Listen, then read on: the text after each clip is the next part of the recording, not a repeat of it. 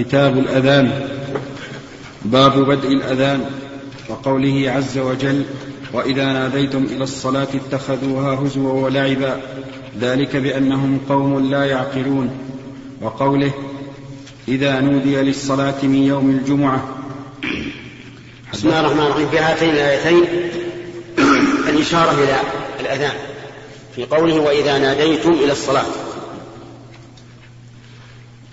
وقوله اتخذوها هزوا ولعبا أي صاروا يسخرون من الأذان ومن دعوة الناس إلى الصلاة بهذه بهذه الأذكار. وهؤلاء هم المنافقون واليهود وكذلك النصارى. يسخرون من المسلمين إذا نادوا إلى الصلاة. ذلك بأنهم قوم لا يعقلون أي ليسوا ذوي عقل والمراد بالعقل هنا عقل الرشد لا عقل الإدراك. لأن العقل ينقسم إلى قسمين عقل الإدراك وهو مناط التكليف الذي تسمعونه في شروط العبادات يشترط أن يكون بالغا عاقلا. والثاني عقل الرشد وهو إحسان التصرف أو حسن التصرف. وهذا هو الذي عليه المدح والثناء إذا وفق الإنسان له. وهنا بأنهم قوم لا يعقلون أي عقل عقل رشد. ولو كان عقل إدراك ما كلفوا لكنه عقل رشد. وقوله إذا نودي للصلاة من يوم الجمعة فاسعوا إلى ذكر الله.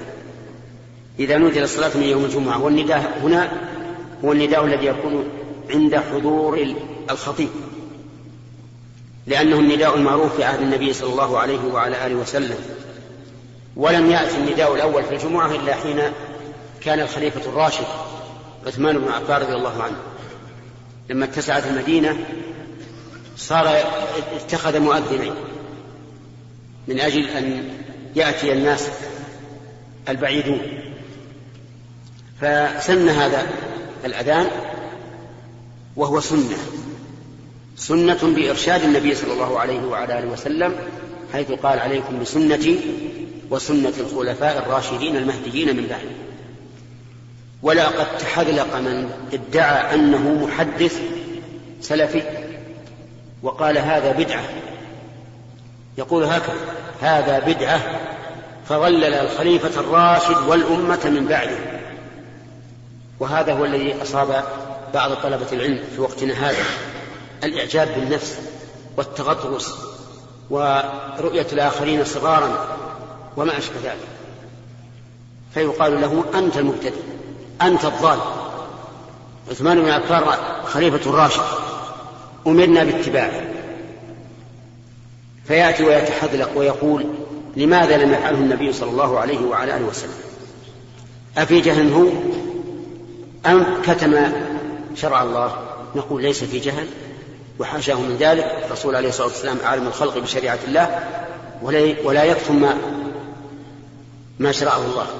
لكن عثمان رضي الله عنه شرع هذا أو سن هذا الأذان لسبب وهو اتساع المدينة وهذا السبب لم يكن معروفا في عهد النبي صلى الله عليه وعلى آله وسلم فإن قال كيف فإن قال هذا المتحذلق كيف يشرع عبادة؟ قلنا شرع عبادة لأن النبي صلى الله عليه وعلى آله وسلم شرع الأذان لما دون ذلك فإن بلالا يؤذن بليل في رمضان ليوقظ النائم ويرجع القائم. وهذا ليس وقت صلاة. ومع ذلك شرع النبي صلى الله عليه وسلم له أن يؤذن فأذن. والحاصل أن أن قوله تعالى إذا نودي للصلاة المراد به إيش؟ النداء الثاني. أما النداء الأول فليس معروفا حين نزول القرآن وإنما سنه الخليفة الراشد الذي أمرنا باتباعه. وفي قوله من يوم الجمعة دليل على أن الأذان في غير يوم الجمعة لا يجب السعي إليه إلى الصلاة التي نودي لها لأن الله خص ذلك بيوم الجمعة. ووجهه أن نداء يوم الجمعة يتلوه الخطبة التي هي من ذكر الله لقوله فاسعوا إلى ذكر الله. ثم قال فإذا قضيت الصلاة ففرق بين الخطبة سماها ذكرا وبين الصلاة سماها صلاة. فأما غير الجمعة فإن النبي صلى الله عليه وسلم جعل الحكم منوطا بالإقامة فقال إذا سمعتم الإقامة فامشوا إلى الصلاة وعليكم السكينة والوقار. لكن الأذان ينبه الإنسان أن يتأهب ويستعد للصلاة. نعم. حدثنا عمران بن ميسرة في أسئلة.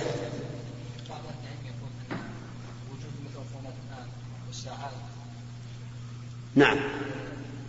تدل على ان الاذان الأول لا داعي له يعلمون الوقت نعم. العده الحكم يدور مع العده نعم. نعم. سهل هذا. الرد على هذا سهل. الميكروفونات ما فيها إلا اذان واحد. والأذان الأول من أجل أن يتأهب الناس البعيدون. وأي فائدة إذا سمع إذا سمع الأذان من مكبر الصوت وبيننا وبينه يعني كيلو وين ثلاثة. لكن الأذان الأول يبكر به حتى يستعد الناس ويأتوا أما الساعات فليس كل إنسان معه ساعة ثم ثم إن الذي معه ساعة يغفل كثير الساعة الآن معنا في في جيوبنا ولا في أيدينا ومع ذلك نغفل هنا محجوب.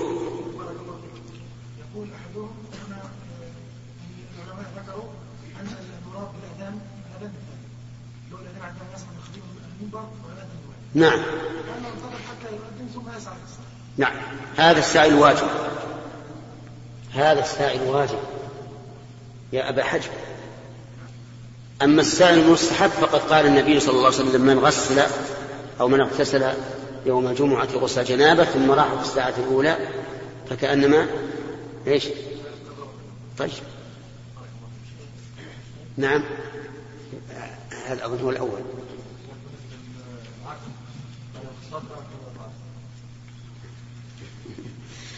الله هذا يحتاج إن نجيب واحد نذبحه ونشوف. إن فقد عقله فهو في رأسه. طيب. ما دام عندك الآية من القرآن كيف تسأل؟ أفلم يسيروا في الأرض فتكون لهم قلوب يعقلون بها أو آذان يسمعون بها فإنها لا تعمى الأبصار ولكن تعمى القلوب التي قل ولا في النغة في الصدور. وهذا الخالق عز وجل ألا يعلم من خلق وهو اللطيف الخبير؟ عرفت ولا لا؟ لكن قد تقول أليس أليس الدماغ إذا اختل اختل العقل؟ بلى. لأن الدماغ بإذن الله هو الذي عنده التصورات. يتصور الأشياء ثم يوصلها بسرعة إلى القلب. ثم القلب يأمر. يأمر أو ينهى. فالمدبر للجسم حقيقة هو القلب والمتصور الأشياء. الذي يطبخها كالسكرتير إلى القلب هذا في الدماغ. ولهذا قال الإمام أحمد رحمه الله العقل في القلب وله اتصال في الدماغ. وقال بعضهم العقل كالدينمو والدماغ كالشمعة يعني كاللمبة فالأصل هو المدار على القلب. الثالث أي كعب ثلاثة؟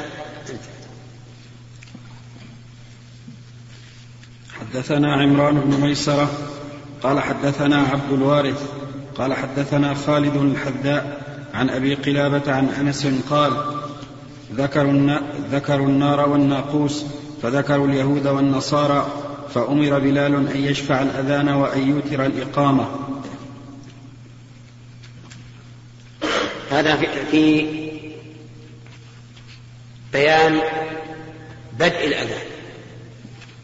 لماذا شرع؟ ومتى؟ شرع الأذان في السنة الثانية من الهجرة حين كثر الناس. فاستشاروا ماذا نصنع في الإعلام لوقت الصلاة. فذكروا يقول ذكروا النار وذكروا الناقوس وذكروا البوق ولكنهم كرهوا ذلك. لأن النار للمجوس والناقوس للنصارى والبوق لليهود. وقالوا لا يمكن. وأصابوا في هذا الإنكار لأن هذه العلامات ليس فيها خير. فهداهم الله سبحانه وتعالى لهذا لهذه الصفة التي هي خير وتعظيم لله وتوحيد له وشهادة له بالوحدانية وشهادة لرسوله بالرسالة ودعوة إلى الصلاة وإلى الفلاح.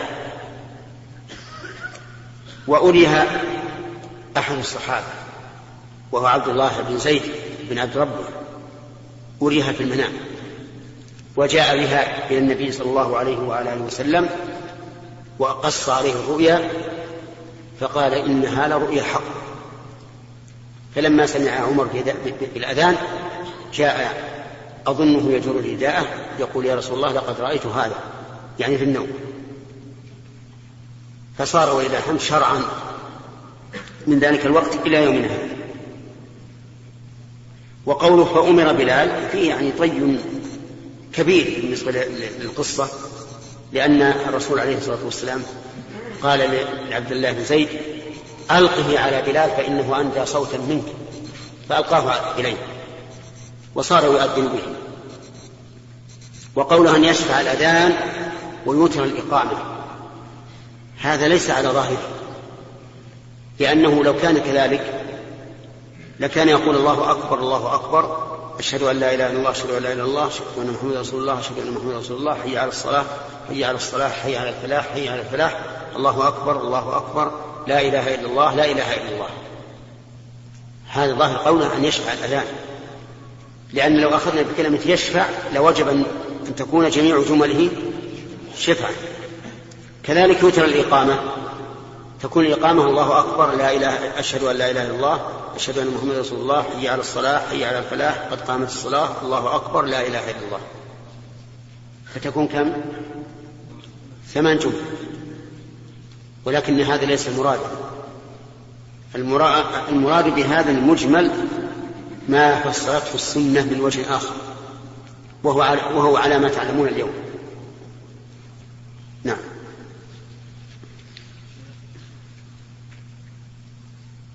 كمل الحديث لأنه له علاقة. حدثنا محمود بن غيلان قال حدثنا عبد الرزاق قال أخبرنا ابن جريج قال أخبرني نافع أن ابن عمر كان يقول كان المسلمون حين قدموا المدينة يجتمعون فيتحينون الصلاة ليس ينادى لها. فتكلموا يوما في ذلك فقال بعضهم اتخذوا ناقوسا مثل ناقوس النصارى. فقال بعضهم بل بوقا مثل قرن اليهود. فقال عمر أولا تبعثون رجلا ينادي بالصلاة؟ فقال رسول الله صلى الله عليه وسلم يا بلال قم فنادي بالصلاة.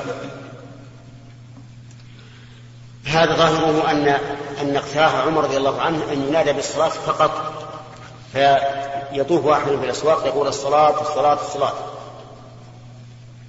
لكن البخاري رحمه الله كأن التفصيل لم يكن على شرط.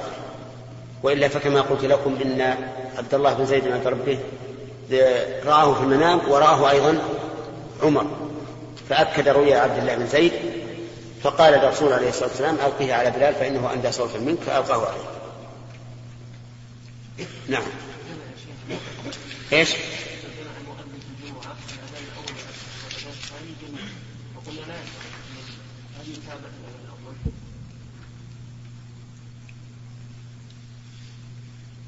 ما تقول؟ سمعتم كلامه؟ يقول هل يشرع لنا أن نتابع بالأذان الأول؟ إذا كان المؤذن يؤذن الأول ثم يؤذن الثاني بعده مباشرة. الظاهر لا. الظاهر أنه لا يتابع. لأن هذا ليس هو الذي سنه عمر سنه عثمان رضي الله عنه فلا يكون مشروعا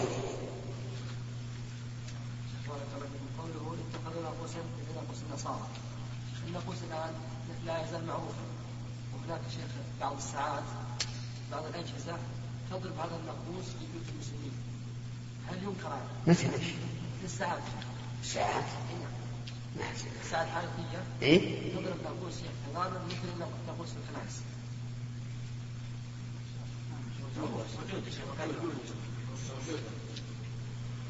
لها رنة خاصة نعم. نعم كان دمه ابن ناقوس هذا المولد نعم. صلي عليه. ها؟ أي.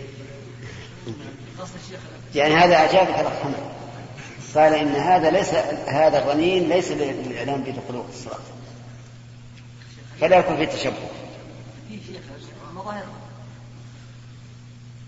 ما أدري أنا جواب جواب محمد ما شاء الله صديق. نعم. نعم.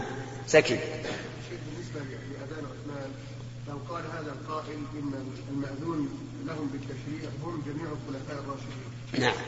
وليس عثمان أو واحد منهم. لقلنا إنك رجل أعجمي. إذا قال سنة الخلفاء مو معناه أن يتفقوا عليها. مو شرط. لا. سنة الخلفاء وكل خليفة واحدة.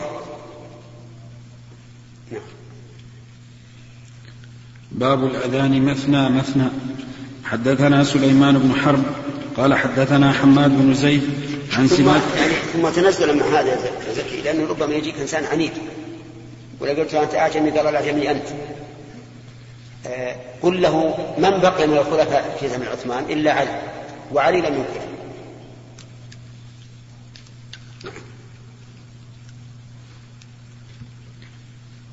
نعم.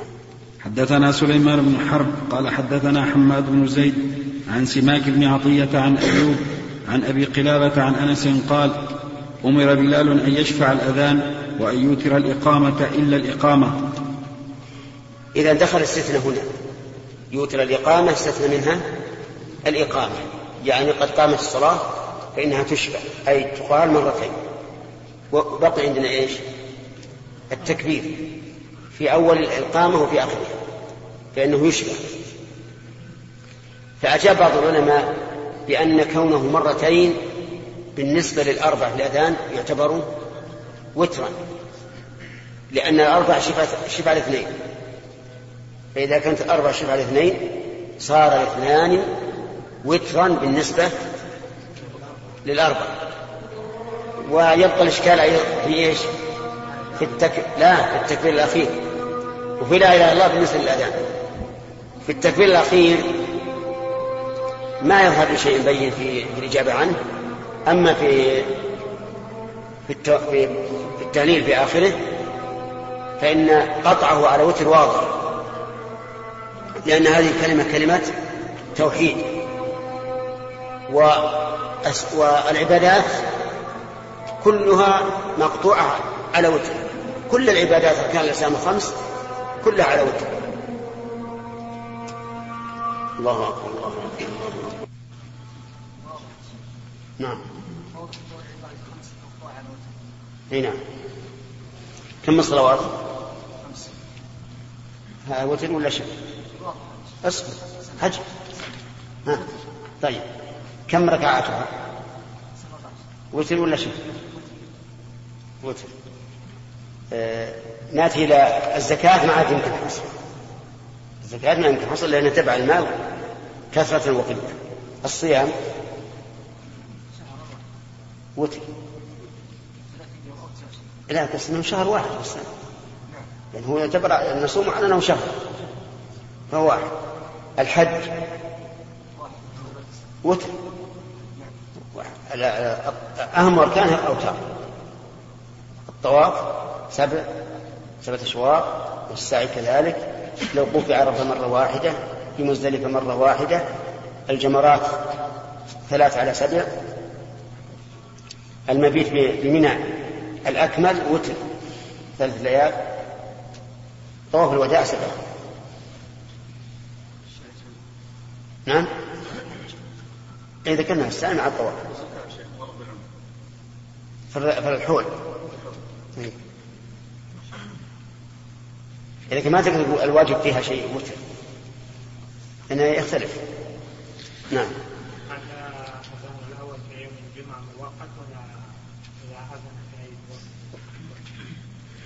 الأحسن أن يؤذن في وقت يكون أرفق بالناس من جهتين من جهة التبكير والتأخير. يعني مثلا لا نقول أذن إذا ارتفعت الشمس قيد رمح يعني هذا في مشقة أنك تنادي الناس من ذاك الوقت. ولا نقول أخر قبل الزوال بخمس دقائق. يعني عمل أهل نجد الآن هو أحسن شيء.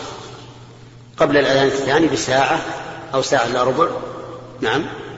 هذا هذا أحسن شيء. وأحسن شيء ساعة لأجل الناس اللي يكون معهم ساعتنا أكثر. نعم. أي في مكة وغيره حتى البلاد الأخرى. الظاهر حتى بلادكم. شلون؟ نصف ساعة. طيب. ومصر؟ ها؟ خمس دقائق وسوريا؟ كم بين الأذان الأول والثاني؟ الجمعة. ساعة ساعة؟ طيب. زين. اليمن؟ ما في من اليمن؟ ها حول نصف نصف ساعة على كل حال أظن الجزائر يمديه يحول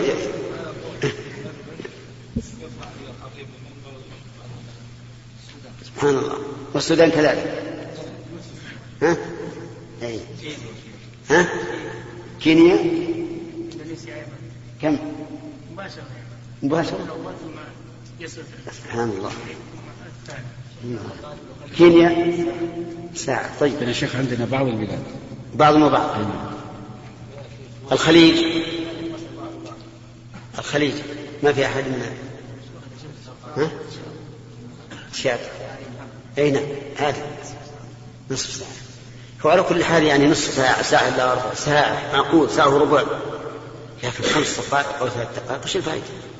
بس مصر يا شيخ كل المناطق وين مصر؟ مصر؟ اي هو قال ساعة ساعة كلها يعني المحافظات ساعة ربما نكون مستثنى طيب ها؟ إيش؟ كم؟ خمس يا رجال اللهم اهدنا الله يهديك محجوب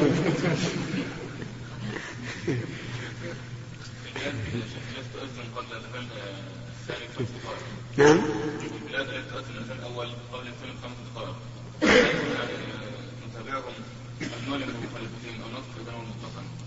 اما أنا ما أتابع. إلى اللي بينهم خمس دقائق ما اتابع لا اقصد اذا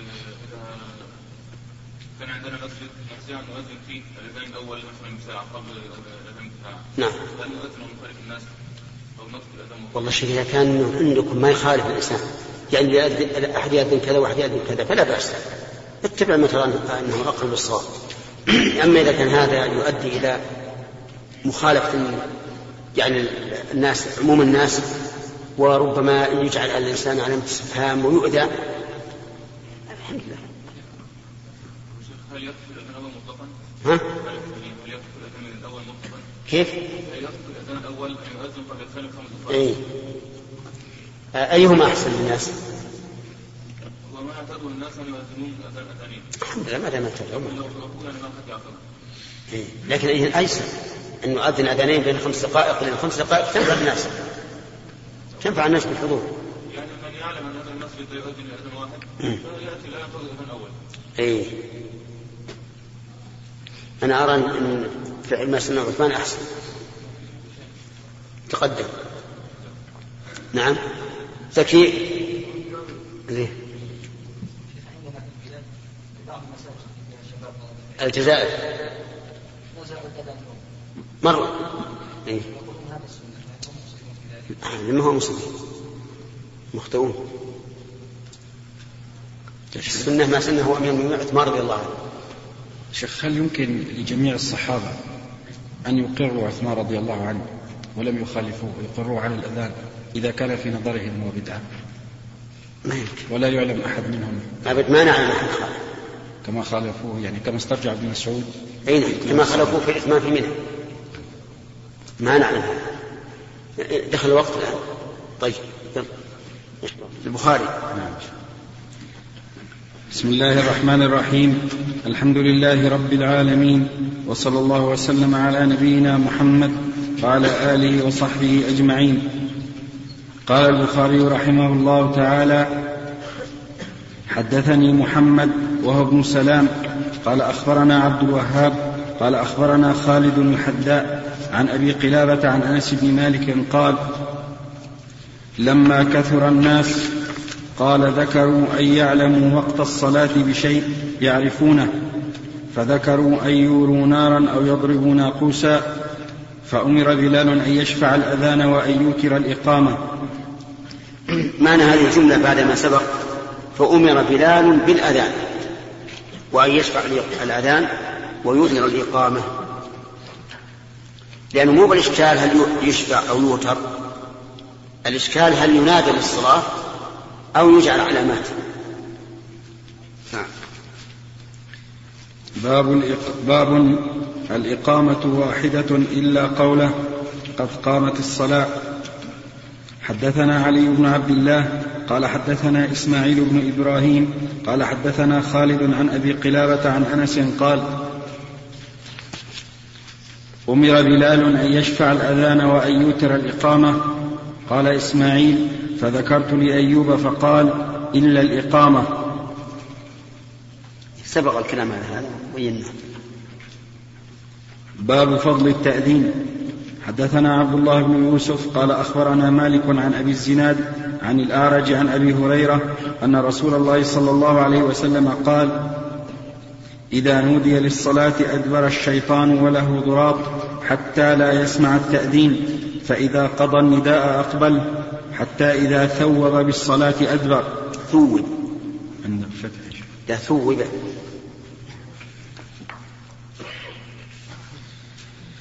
حتى إذا ثوب بالصلاة أدبر حتى إذا قضى التثويب أقبل حتى يخطب. عندنا يخطب يا شيخ.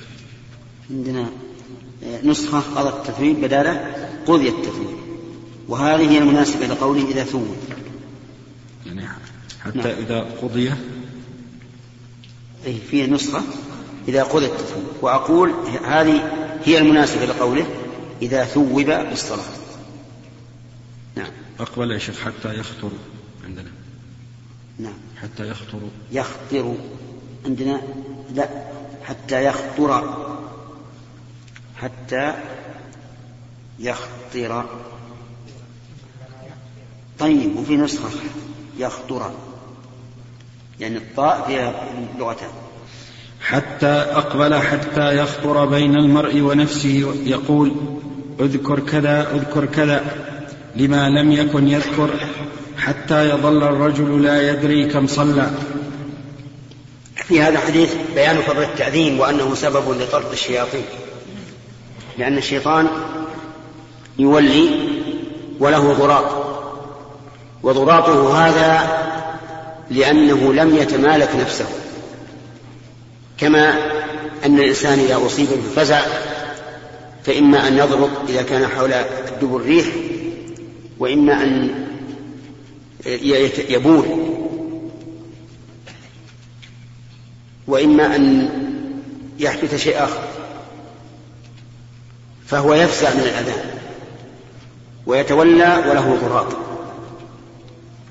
وفي هذا الحديث يؤخذ من هذا أن الشيطان يسمع وأنه يفر من ذكر الله عز وجل. ولهذا وصف بالخناس الذي يخلص عند الذكر وأنه مجوف لأن الريح وهي الضراط لا تكون إلا من مجوف. ويدل على هذا أيضا أنه مجوف أنه يأكل ويشرب. ولا يمكن أن يأكل ويشرب إلا وهو غير مجوف وهو مجوف أما الملائكة فقد جاء في الآثار أنهم صمت ليس لهم أجواف وذلك لأنهم لا يأكلون ولا يشربون وإنما يتغذون بذكر الله عز وجل. وذكر الله تعالى غذاء لمن هو أنس له. ولهذا قال النبي عليه الصلاة والسلام حين نهى عن الوصال قالوا إنك تواصل. قال إني لست كهيئتك إني أبيت عند ربي يطعمني ويسقيني. والمراد يطعمه ويسقيه بذكر الله عز وجل. كما قال الشاعر لها أحاديث من ذكراك تشغلها عن الشراب وتنهيها عن الزاد. يعني أحاديث معشوقته تلهيها عن الزاد وعن الشراب. فكذلك أنس الإنسان بذكر الله عز وجل ينهيه عن, عن الأكل والشرب. ولهذا كان الملائكة عليهم السلام لا يأكلون ولا يشربون. ولهذا لم يخلق الله لهم أجوافا وفي هذا أيضا آه، دليل على أن الشيطان يترصد لبني آدم. كلما وجد فرصة حضر لأنه إذا قضى التأذين إذا قضي التأذين أقبل حتى يغوي بني آدم. ومن جملة إغوائهم في هذا الحال أن يثبطهم عن السعي إلى الصلاة وما أشبه ذلك. حتى إذا ثوب بالصلاة ثوب يعني أعيد مرة ثانية لأن التثويب من ثوب أعاد. وثاب بمعنى رجع وعاد. طيب أدبر لكن لم يذكر هنا أن له ضراطا. وسبب ذلك والله أعلم أن التأذين في نفسه أوقع من الإقامة لأن الإقامة أقل عددا من وجه ولأنها تحذر ولا ترتل ولأنها في الغالب لا تكون في مكان مرتفع عالي كالإقامة.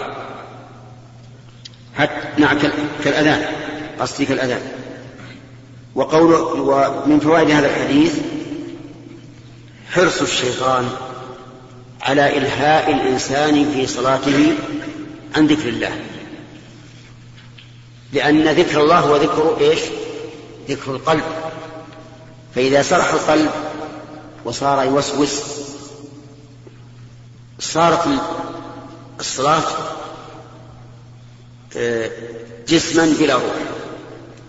والشيطان يحرص على هذا. يحرص على أن تكون صلاة بني آدم جسما بلا روح. ومن فوائد هذا الحديث أن الوسواس لا يبطل الصلاة. لا يبطلها الوسواس يعني حديث النفس والهواجس. لا تبطل لأن قوله عليه الصلاة والسلام يقول اذكر كذا وكذا يشمل أن يذكره مرة أو مرتين أو في جميع الصلوات أو في جميع الصلاة. وهذه المسألة اختلف فيها العلماء.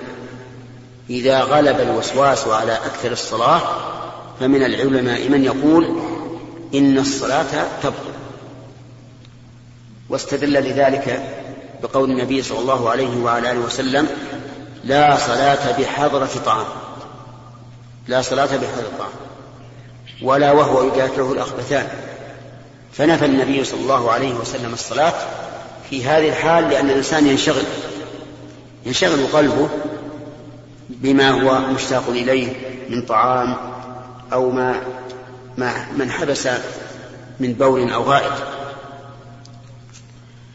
ولكن جمهور العلماء على أنه إذا غلب الوسواس على الصلاة فإنه لا يبطلها لكنه ينقصها. حتى ينصرف الإنسان وليس من صلاة له من صلاته إلا عشرها أو أقل. و ومن فوائد هذا الحديث أن الدخول في الصلاة قد يكون سببا لتذكر ما نسيه الإنسان. ويذكر عن أبي حنيفة رحمه الله وأبو حنيفة معروف بالذكاء أن رجلا أتى إليه وقال له إنني قد أودعت وديعة عظيمة وإني نسيتها. نسيت أين محلها؟ لأنه اذهب فصل. اذهب فصل. فلما ذهب الرجل توضأ وصلى ودخل في الصلاة بدأ إيش؟ يتجول. وين وين الوديعة؟ وين الوديعة؟ حتى ذكرها حتى ذكرها فهل نقول الآن لو أن أحد جاءنا يقول نسيت أمر هاما نقول اذهب فصلي؟ إن قلنا ذلك فقد اقتدينا بإمام إمام من أئمة المسلمين. ثم نستأنس بهذا بهذا الحديث أن الشيطان يذكر الإنسان ما نسيه في في حال صلاته. ومن ذكاء الإمام أبي حنيفة رحمه الله أن رجلا قال لزوجته إن لم تكلميني قبل أذان الفجر فأنت طالق ثلاثة. وكان غالب الأمة من أئمة وأتباعهم يرون أن تعليق الطلاق تعليق محض. متى وجد المعلق عليه طلقه ولو قصد بذلك اليمين ويرون أن الطلاق الثلاث تبين به المرأة ولو بكلمة واحدة. ولم يجد أحدا هذا الرجل لن يجد أحدا يفتيه بالتفصيل فيقول هل أنت أردت اليمين أو أردت التعليق المحض؟ ولن يجد أحدا يفتيه بأن الطلاق الثلاث واحد. المرأة لا تريد زوجها. لا تريد زوجها. مضى هزيع من الليل وهو يقول لك على كلمي كلمي. لكنها أبدا صمت وخرسة فضاقت عليه الأرض بما رحبت فذهب إلى الإمام أبي حنيفة رحمه الله وقال له وش يا فلان قضية كذا وكذا. والآن إن طلع الفجر بانت مني زوجة فقال له هنا حيلة اذهب إلى فلان المؤذن الآن ومره بأن يؤذن. نعم. فذهب الرجل إلى المؤذن وقال جزاك الله خير أنا وقعت في ورطة وأرشدني الإمام إلى كذا وكذا. انقذني قال طيب. الأذان في آخر الليل أيضا مشروع في إيقاظ النائم. فذهب المؤذن فأذن. وذاك راح لزوجته الرجل راح لزوجته لما أذن الله أكبر قالت الحمد لله الذي أنجاني منك. قال الحمد لله الذي أبقاك بي الفجر لم يطلع بعد هنا فالمهم أن التحيل على الشيء المباح لا بأس به. ولا ولا حرج فيه. نعم. طيب وقوله حتى يظل الرجل لا ذي كم صلى هل لهذه العلة من دواء؟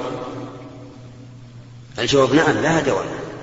فإن النبي صلى الله عليه وسلم أمره إذا لم يكن عنده ترجيح إيش؟ أن يبني على اليقين وهو الأقل كما يدري كم صلى ثلاثا أم أربعا وهو لا يرجح هذا ولا هذا. نقول ابني على اليقين وهو الأقل. واسجد للسهو قبل السلام أما إذا كان لديك ترجيح فابني على ما ترجح واسجد للسهو بعد السلام. والدين ولله الحمد. لم يجعل للإنسان أي وسيلة إلى القلق والتعب. كل مشكلات الدنيا حلها لكن قد لا يتيسر الإنسان الحل. إما لذنوب أصابها أو لجهل أو لغير ذلك. وإلا فأنا واثق بأنه لا يمكن يوجد مشكلة نفسية ولا اجتماعية إلا وفي الدين. وفي الدين حلها ولا كثرت الآن الآفات النفسية والأمراض النفسية إلا بسبب ضعف الإيمان لدى كثير من الناس. وإلا فمن عنده قوة إيمان ما لا يمكن يصيبه شيء من هذا. وأضرب لكم مثلا وإن كنا خرجنا بعض الشيء أضرب لكم مثلا بالقدر. بالقضاء والقدر. إنسان اجتهد يريد أن يصل إلى أمر ما من الأمور لكن أخلف الأمر. وكان وكان الواقع على خلاف ما يريد. من عنده إيمان بالقدر ورضا بالله عز وجل ربا فإنه يتساوى. يتساوى عنده الأمر يقول ما أمرت به فعلت. حرصت على ما ينفعني واستعنت بالله. وما خرج عن طاقتي فهو إلى ربي. وربي يفعل بما شاء. ويقول قدر الله وما شاء فتجده مطمئنا تماما. نفسه راضية مع الله عز وجل في قدره ومع الله في شر لكن من عنده ضعف إيمان إذا جاءت الأمور على خلاف ما يريد إيش يفعل؟ يتكدر ويندم وليت ما فعلت ولو لم أفعل كذا لكان كذا وما أشبه ذلك. ثم تأتي الأمراض النفسية والهواجس وال... فأقول إن الدين الإسلامي ولله الحمد لم يدع الإنسان في قلق أبدا. أبدا. لكن المسألة تحتاج إلى إيمان وعلم. ولشيخنا عبد الرحمن بن سعدي رحمه الله كتاب اسمه إيش؟ الوسائل المفيدة في الحياة السعيدة. وله كتاب آخر مثله الدين الإسلامي يحل جميع جميع المشاكل. وأراني مرة كتاب أيضا صغير رسالة صغيرة أذكر اسمها دع القلق وابدأ الحياة. ما لا أدري من مؤلفه. نعم؟ غربي. المهم شيخنا رحمه الله أثنى على هذا الكتاب. وقال هذا كتاب جيد. وربما إنه على أساسه ألف الكتاب الرسالتين الصغيرتين هنا فأنا أقول إن طالب العلم ينبغي له أن يرجع دائما إلى إلى الدين الإسلامي. الكتاب والسنة حتى يحيا حياة سعيدة. وهذا في القرآن. من عمل صالحا من ذكر أو أنثى وهو مؤمن الجواب فلا نحيينه حياة طيبة.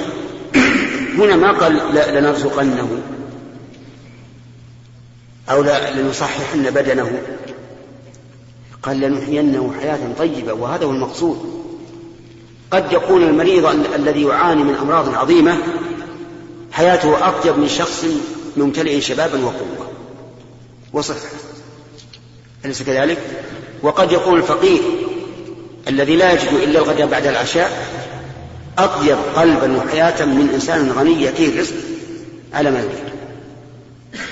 الكلام ليس على كثرة المال الكلام على الحياة الطيبة التي كل إنسان يسعى لها. وسببها هذان الأمران الإيمان والعمل. الإيمان والعمل الصالح من عمل صالحا من ذكر أو أنثى وهو مؤمن فلنحيينه حياة طيبة ومعلوم أن العمل الصالح لا بد فيه من علم. العلم قبل العمل. نعم. بعض الذين يقرؤون على المرضى يؤذنون في الغرفة. مستدلين بهذا الحديث. على المصابين بالجن يعني. إيه. ما يبعد. ما يبعد. لكن أخاف إذا سكتوا عاد هجم. هجمة ما هي زين. شيخ ما دام يرجع إلى المسجد. نعم. ما دام الشيطان يرجع إلى المسجد. إيه يقول أخشى من هؤلاء. لكن على كل حال ايذاء الشيطان بهذا طيب نعم سليم بالنسبة لما لما أرشد إليه الإمام أبو حنيفة عبادة تصلح إلا لله مقصود مقصود غير غير العبادة نعم. لا لا هو هو ما قصد هو يمكن لعله كبر مرة واحدة ونزل. ما ندري. أحسن الله إليك. الآن في هذا الحديث يعني محض إخبار الواقع ولا أو فيه نوع من التهذيب من الشيء لا بارك الله فيك. حديث الرسول عليه الصلاة والسلام عن الواقع. لا يعني إقراره والرضا به. يبقى النظر هل الواقع موافق للشريعة أو لا. لكن الواقع هذا واقع موافق للشريعة كيف؟ لأن الإنسان لا يؤاخذ بهذه الوساوس. ولهذا كان الصحيح أن أن صلاته صحيحة. لكن إخباره بأن الضعينة تذهب من صنع إلى حضرموت حضرموت لا تخشى إلا الله والذئب على غنمها. هل هذا يعني جواز سفر المرأة إلى محرم؟ إخبار بأننا سنركب سنن من كان قبلنا. هل معناه الإذن لنا بذلك؟ لا. نعم. باب رفع الصوت بالنداء. وقال عمر بن عبد العزيز أذن أذانا سمحا وإلا فاعتزلنا. حدثنا عبد الله بن يوسف. قد يقول قائل إن هذا, إن هذا الأثر يخالف الترجمة لأنه قال باب رفع الصوت بالنداء ثم قال أذن أذانا سمحا. يعني مراده